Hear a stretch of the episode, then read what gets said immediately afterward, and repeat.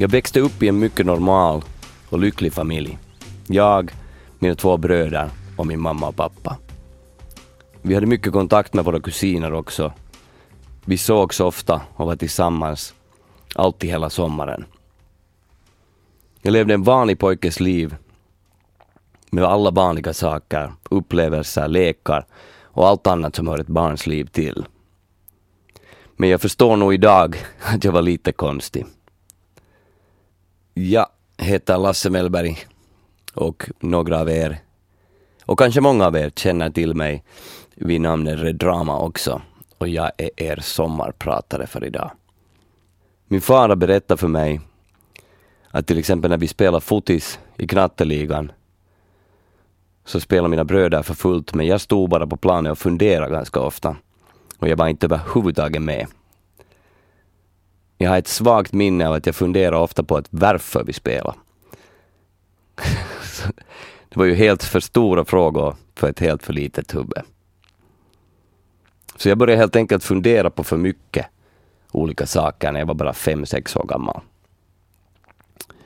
Och jag kände ofta en oro som jag inte kunde placera på något sätt. Det fanns ingen riktig orsak eller någonting konkret som hade hänt eller pågick. Det var ingenting som hindrade mig från att leva ett vanligt och lyckligt liv tillsammans med mina bröder, kusiner och mina kompisar och kaverin. Det var bara en känsla av att någonting är fel.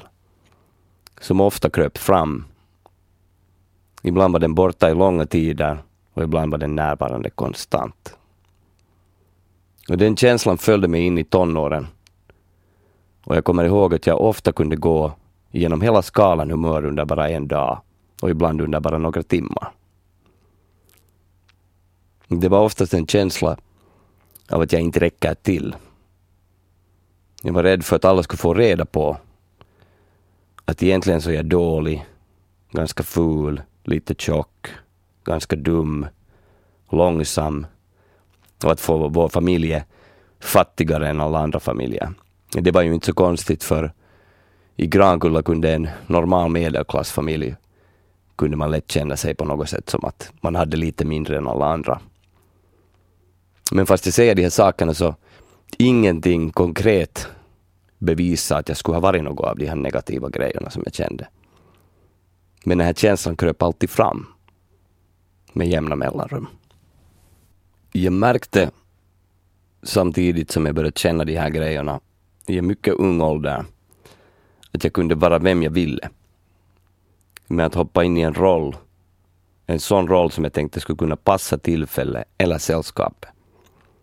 Som en kameleont lärde jag mig att ändra på vad och hur jag sade saker och vad jag tyckte om saker och så vidare.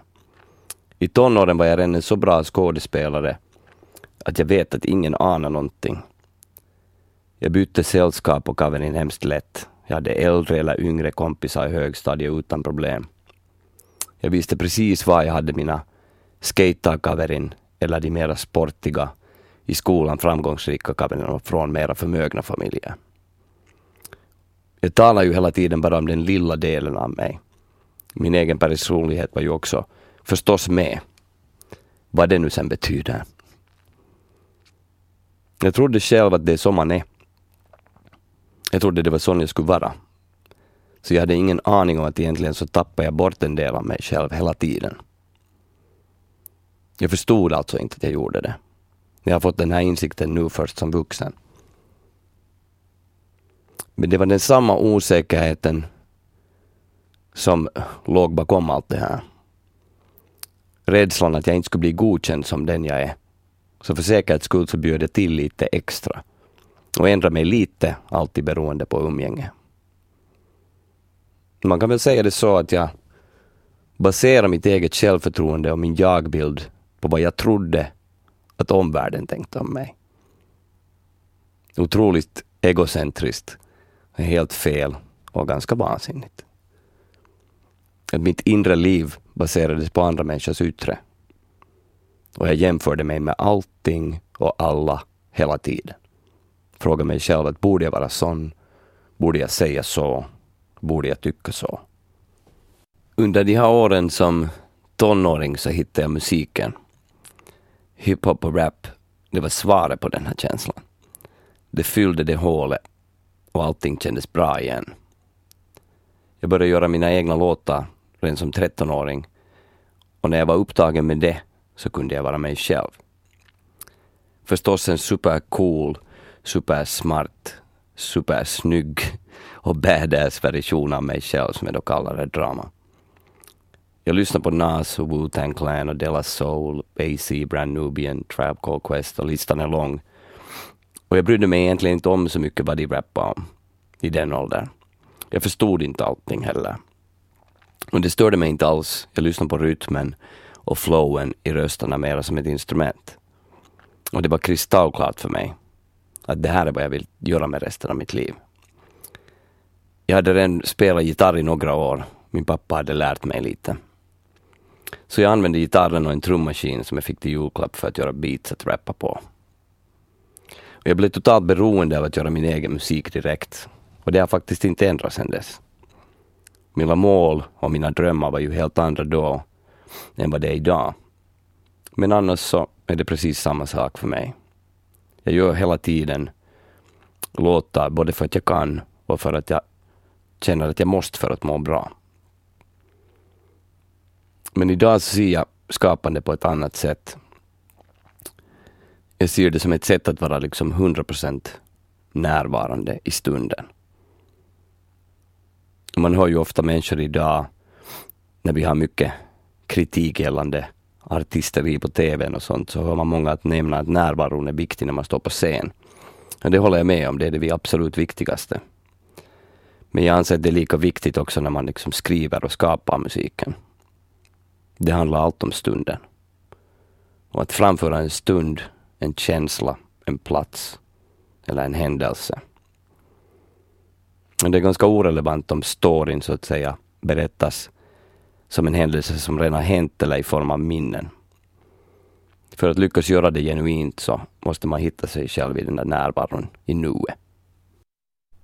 Jag heter Lasse Mellberg och några av er kanske också känner mig mera vid namnet Redrama.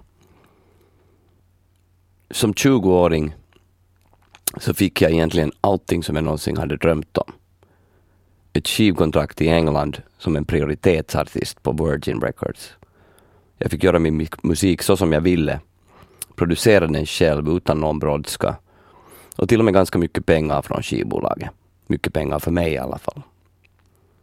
Jag hade all orsak att vara världens lyckligaste unga man. Men istället för att vara det så satt jag största delen av min tid på att oroa mig på att vad alla tyckte om min musik, om mig, före jag ens hade gett ut skivan. Det var helt enkelt för mycket för mig och för snabbt. Och jag skäms inte mera för att säga det högt, eller för hur otacksamt det kan låta. För hur mycket jag än skulle ha försökt så skulle inte saker ha kunnat gå egentligen på något annat sätt. För jag hade så länge gått i fel riktning. Bort från mig själv och emot mig själv. Och allt det här var styrt av tanken av att jag skulle bli godkänd eller respekterad. Eller några andra ord som jag inte egentligen ens förstod vad de betydde. Inte i alla fall så som jag förstår de orden idag. Om jag skulle ha lagt ner den tid jag spenderat på att oroa mig för framtiden eller på så kallat planeringsjobb så skulle jag säkert ha gjort tio album under åren 2000 till 2005. Men jag ångrar nog ingenting. Jag är tacksam för allt som jag har gått igenom. För utan det så skulle jag inte vara den jag är, eller var jag är idag. Så man kan väl säga att genom musiken så hittade jag min plats som en ung, överkänslig typ med för skarpa känsloantenner. Det var min räddning, hur kliché det än låter. Och jag kan svara i intervjuer på frågan som ofta kommer att vad ska du göra om du inte gör musik? Och jag svarar alltid någonting men sanningen är att jag ljuger. Jag kan inte svara på den frågan. Och det här hjälper mig att inte tappa tacksamheten. Som jag håller fast i nu för tiden. Åren gick och jag fick mitt skivkontrakt och saker hände hemskt snabbt. Men den delen av historien tänker jag inte berätta. Inte idag. Istället tänker jag tala om att vilken lättnad man kan känna när man helt enkelt bara ger upp. Att ge upp, sa jag. Orden har ju en klang av att man har förlorat. Att man inte lyckades. Att kanske någon annan person, instans eller vad som helst som man har slagits emot vinner. Det är över. Det är slut. Det är förlorat. Inte speciellt så positivt kan man väl säga. Men för mig betyder orden att ge upp precis motsatsen idag. Det betyder att övervinna. Det betyder att klara sig genom vad som helst. Det betyder att vinna alla andra som man tycker man måste vinna. Men ännu mera betyder det att vinna sig själv. När mina problem och min ångest växte med åren så tvingade jag mig att klara allting själv. Jag ansåg att jag behöver ingen annan människas hjälp, att jag måste klara av allting själv. Och jag drev mig till vansinne nästan dagligen i många år med att leva inne i mitt eget huvud med mina planer och mina drömmar. Det är ett helt galet sätt att tänka och leva sitt liv. Och jag var omringad av människor som stödde mig och som ville hjälpa mig. Ända till slutet när jag var helt totalt omöjlig att hjälpa mera. Men jag är förstås tacksam, evigt tacksam till de alla människorna. Och när jag ser tillbaka nu så kan jag inte förstå att jag orkar så länge som jag gjorde. Men vi människor är väl sådana att vi fastnar. Och vår så kallade starka vilja, som vi dyrkar ofta, kan föra oss ofta i, i graven, i fängelse eller till galenskap. Och det var precis så som jag tänkte. Jag tänkte att jag bara jobbar tillräckligt hårt hur det än känns. Att jag ger inte upp.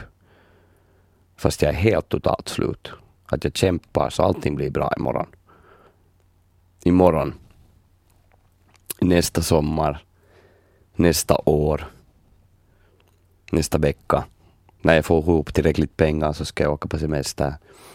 Det är inte så jag vill leva mera. Mitt jobb är också präglat av så många av de här så kallade nästa saker som ska hända. Det finns oftast ett dimmigt löfte om det stora som ska hända just och ändra på allting. Svaret som kommer på måndag eller nästa höst. Det är klart att vi måste alla ha drömmar och planer. Det är ju hemskt viktigt. Men för mig gick det så långt att jag kunde inte stanna upp och inse att allting höll på att spåra ut för mig. Före det redan var för sent. Och jag levde bara i framtiden i mina tankar så jag såg inte allt det fina som var rakt framför mina ögon. Men som tur så gick det för långt för mig. För jag är så envis och så pass galen att det, ingenting annat räckte. det är ju alla fina värderingar med femårsplaner och, och drömmar, men de funkar inte för mig. Nu för tiden så, sista åren, så har jag jobbat mer, mera timmar om man skulle räkna ihop dem tror jag. Men det känns så mycket mindre, för det har varit mera egentligt jobb och mycket mindre funderande eller planerande och allra minst oroande. Alltså, så jag har försökt koncentrera mig på just nu, inte på sen. Och fokusera på det som är, inte på det som skulle kunna vara. Och det har öppnat min kreativitet också på ett nytt sätt. Och det enklaste sättet är väl att säga det så här. Att jag slog huvudet mot väggen. Så att säga gällande hela mitt liv i över tio år. Och jag kom till en punkt när jag inte orkade mer. Inte på ett sånt sätt att man är trött eller att man närmar sig en burnout eller att alla säger att du borde ta en paus. Utan en sån vägg som tvingar mig att välja att vilja fortsätta leva eller inte. Jag ska inte gå in på detaljer. Men så mycket kan jag berätta att mitt alkoholproblem var ett symptom av det här tankesättet, inte tvärtom. Men förstås så blir det ett, en och samma rulle bara när det sen bara rullar iväg. Och det var till sist det enda som hjälpte mot min ångest och förtvivlan. Men nu förstår jag att, att orsaken för det så var mest det att jag hela tiden var så full av oro och prestationsångest som egentligen ingen annan hade satt på mina axlar utom jag själv. När jag säger att jag gav upp så menar jag det i ordets fulla bemärkelse. Jag kom till den punkten när jag släppte allt. jag ville eller kunde inte fortsätta jobba eller överhuvudtaget leva mera. Och i den stunden så började en förändring långsamt ske inom mig. Jag var tvungen att acceptera allting.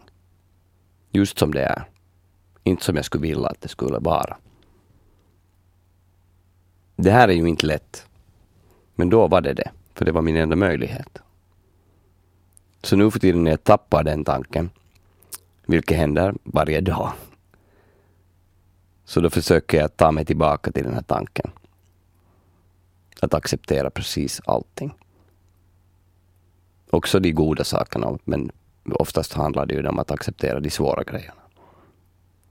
Men det gäller också alltid det roliga, alla de positiva, alla de fina sakerna i mitt liv, fast det kan låta konstigt. Så jag jobbar också på att inte fastna där. För beröm och framgång och bra nyheter så är inte heller saker som jag vill fastna i. Jag tar emot dem, men sen släpper jag dem. För det tjänar inget syfte att hålla fast i dem. Fast min ego skulle ju älska att hålla dem för evigt och bara bada kvar där. Men det tar igen bort mig från det som egentligen liksom är viktigt. Så jag börjar långsamt förstå var jag har gått fel. Att jag har försökt kontrollera saker som jag inte kan. Allting från människors åsikter till deras känslor. Och vi vill ju alla bjuda till, till exempel när det gäller människor som är oss nära. Men jag tog det hela för långt. Kameleonten inom mig försökte tänka ut hur jag ska bete mig. Så att världen skulle kunna bli sån som jag skulle vilja att den skulle vara. Och egocentrisk kan man ju säga. Jo, jag medger det. Motvilligt. Men det handlar nog om något ännu mera. För min tanke var inte självisk på det sättet. Jag menade väl, i alla fall oftast. Jag bar ofta också på vänners problem som inte var mina överhuvudtaget. Jag kunde vara vaken hela natten för att försöka fundera ut hur jag borde hjälpa en god kompis som led då av en allvarlig depression. När jag borde ha spenderat den tiden på att vila och ta hand om mig själv. För jag mådde inte själv bra heller. Därigen så trodde jag att jag kunde påverka mera än någon människa kan. När mitt stöd är egentligen allting jag ska kunna ge. Det andra problemet med att tappa nuet och den här stunden, och som jag har pratat om att jag tittar alltid framåt, också med det att jag väntade på något roligt eller sen det att jag var orolig hela tiden. För, så jag levde alltid där framme i tiden. Så å andra sidan så levde jag också i en tanke att allt var bättre förr. Att världen var ju lite bättre förr och världen har blivit på något sätt så mycket galnare nu och sjukare än den var förut. Och musiken var bättre, filmerna var bättre och människor köpte skivor och jag var yngre och jag kunde äta vad jag ville utan att gå upp i vikt. Och sommaren var lång och man var ledig ibland och, och sånt. Och det romantiska och nostalgiska är ju fint i världen och det är viktigt. Men eh, jag har lärt mig att jobba på att också inte fastna där. Men jag saknar min bror som omgång 2010, varendaste dag som går. Och jag kommer att göra det resten av mitt liv. Men jag försöker nu för tiden se tillbaka på de stunderna som var fina för honom och viktiga för honom, inte för mig själv. Att sorgen lever ju mycket i det förflutna och där håller jag nog i den. För det är ju allt jag har kvar. Men när jag märker att jag fastnar där så ber jag honom höra mig och så berättar jag om allt som har hänt sedan han försvann. Allt det fina och det roliga som har hänt. Och hur hans son har vuxit upp till en mycket lycklig liten pojke och som börjar faktiskt skolan om några år. Och hur löjliga vi blir här hela tiden med våra telefoner och Instagram och Facebook och hur tv-programmen blir bara sämre varje dag men serierna har blivit bättre. Vanliga saker. Och då inser jag hur själviskt det kan vara att hålla fast i minne av allt som var viktigt för mig. När det handlar ju om honom. Så då ger jag upp igen. Med den tanken. Och kanske någon dag så kan jag acceptera att han inte är här mera. Men annars finns det inte mycket i mitt förflutna som jag saknar, ärligt sagt. Mycket fina minnen. Men jag tänker sällan tillbaka. I alla fall just nu. Grejer och saker i sig har inte något speciellt värde för mig. Inte skivor eller gitarr eller instrument eller sånt mera. Det är klart att min värld är full med favoritlåtar och skivor spelar spel i musik så jag skulle kunna prata bara om det. Och filmer och böcker. Men de har inte heller något speciellt värde i fysisk form idag för mig. Men det kan vara att om ett år eller fem eller tio så skulle jag säga något helt annat. Men det här är nu. Det här är idag. Det är inte det här året eller imorgon. Jag heter Lasse Mellberg och en del av er har kanske hört namnet Redrama också. Den här tanketräningen eller sättet att försöka ändra hur man upplever och ser saker och mera fokusera på nuet. Så det är också något som jag har hjälpt mig hemskt mycket i mitt jobb. På det sättet att jag också där kan fokusera mycket bättre nu för tiden när jag inte... Att jag funderar först sen när, när låtarna är gjorda på att vad de är. Att är de bra eller dåliga eller passar de in eller passar de i en helhet på skivan och sånt. Jag tänker inte på det när jag jobbar mer och det har faktiskt varit en stor nyckel för mig att varför jag har kunnat göra få mera grejer gjorda helt enkelt. Det kan vara en helt simpel grej för, för någon, men för mig var det, det är faktiskt som natt och dag när det gäller mitt jobb.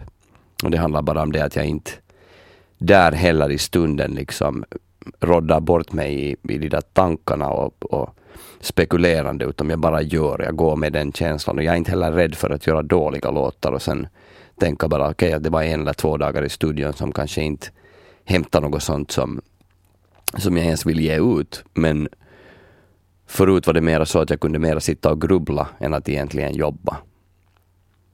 Så man får helt enkelt mycket mera gjort. Men allt det jag har pratat om idag så nu just så förstår jag ju att det är någon form av överkänslighet säkert som jag alltid har burit med mig. Men som det är någonting som jag idag är mycket tacksam över. Att det är en del av mig och det är säkert också en stor orsak för varför jag har sökt mig till att jobba med ett, med ett sånt jobb som jag har och, och ett kreativt jobb. Och, sånt som egentligen handlar om känslor. Och känslor behöver ju inte alltid betyda att det är hemskt tragiskt och hemskt djupt och hemskt något. Det kan bara vara lättsinnigt och, och sånt. Men att det där, att ha den här läggningen så, det har ju förstås på många sätt gjort att saker inte alltid har varit lätt. Men jag tror inte att livet är meningen att alltid vara lätt och problemfritt. Att jag är övertygad om att vi alla utför en mening och en roll här under våra liv. Och sen varför det inte finns någon logik i hur våra liv och öden utförs, så det är en fråga jag har slutat ställa mig själv. Och det viktigaste av allt är att jag har börjat inse att hemskt lite handlar ju om mig i den här världen. Och ännu mindre så kan jag kontrollera. Och det kan vara att de här sakerna jag har pratat om är självklara för er lyssnare. Men jag tror att vi alla nog kan jobba på hur vi är närvarande för våra nära och vår familj och kompisar och vänner. Och närvarande också när vi jobbar och när vi lever våra liv. Närvarande i den här världen. Jag blev totalt stoppad. Ett vägspärr, en vägg blev placerad framför mig. Och jag var tvungen på att börja ändra på hur jag fungerar, hur jag tänker och hur jag handskas med livet.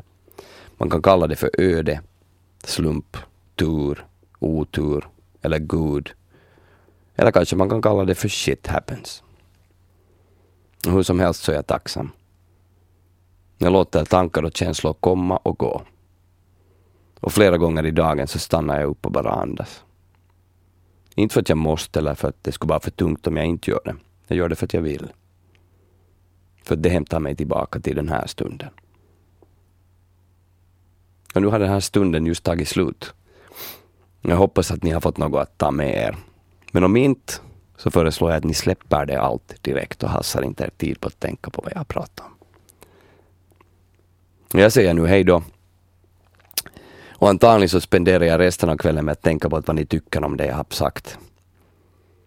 Nej. sanningen är väl det att jag är inte så viktig, fast jag ibland skulle vilja tro det. Vi kan väl göra så. Om det är soligt idag så är det enkelt, då kan vi bara njuta av den här sommaren. Om det är regnigt och kallt så föreslår jag att vi gör sådana saker som man gör när det regnar på sommaren. Det finns många sådana grejer man kan göra. Och så kan vi göra det här till den bästa regniga sommarkvällen någonsin. För vet ni vad? Den är här bara en gång.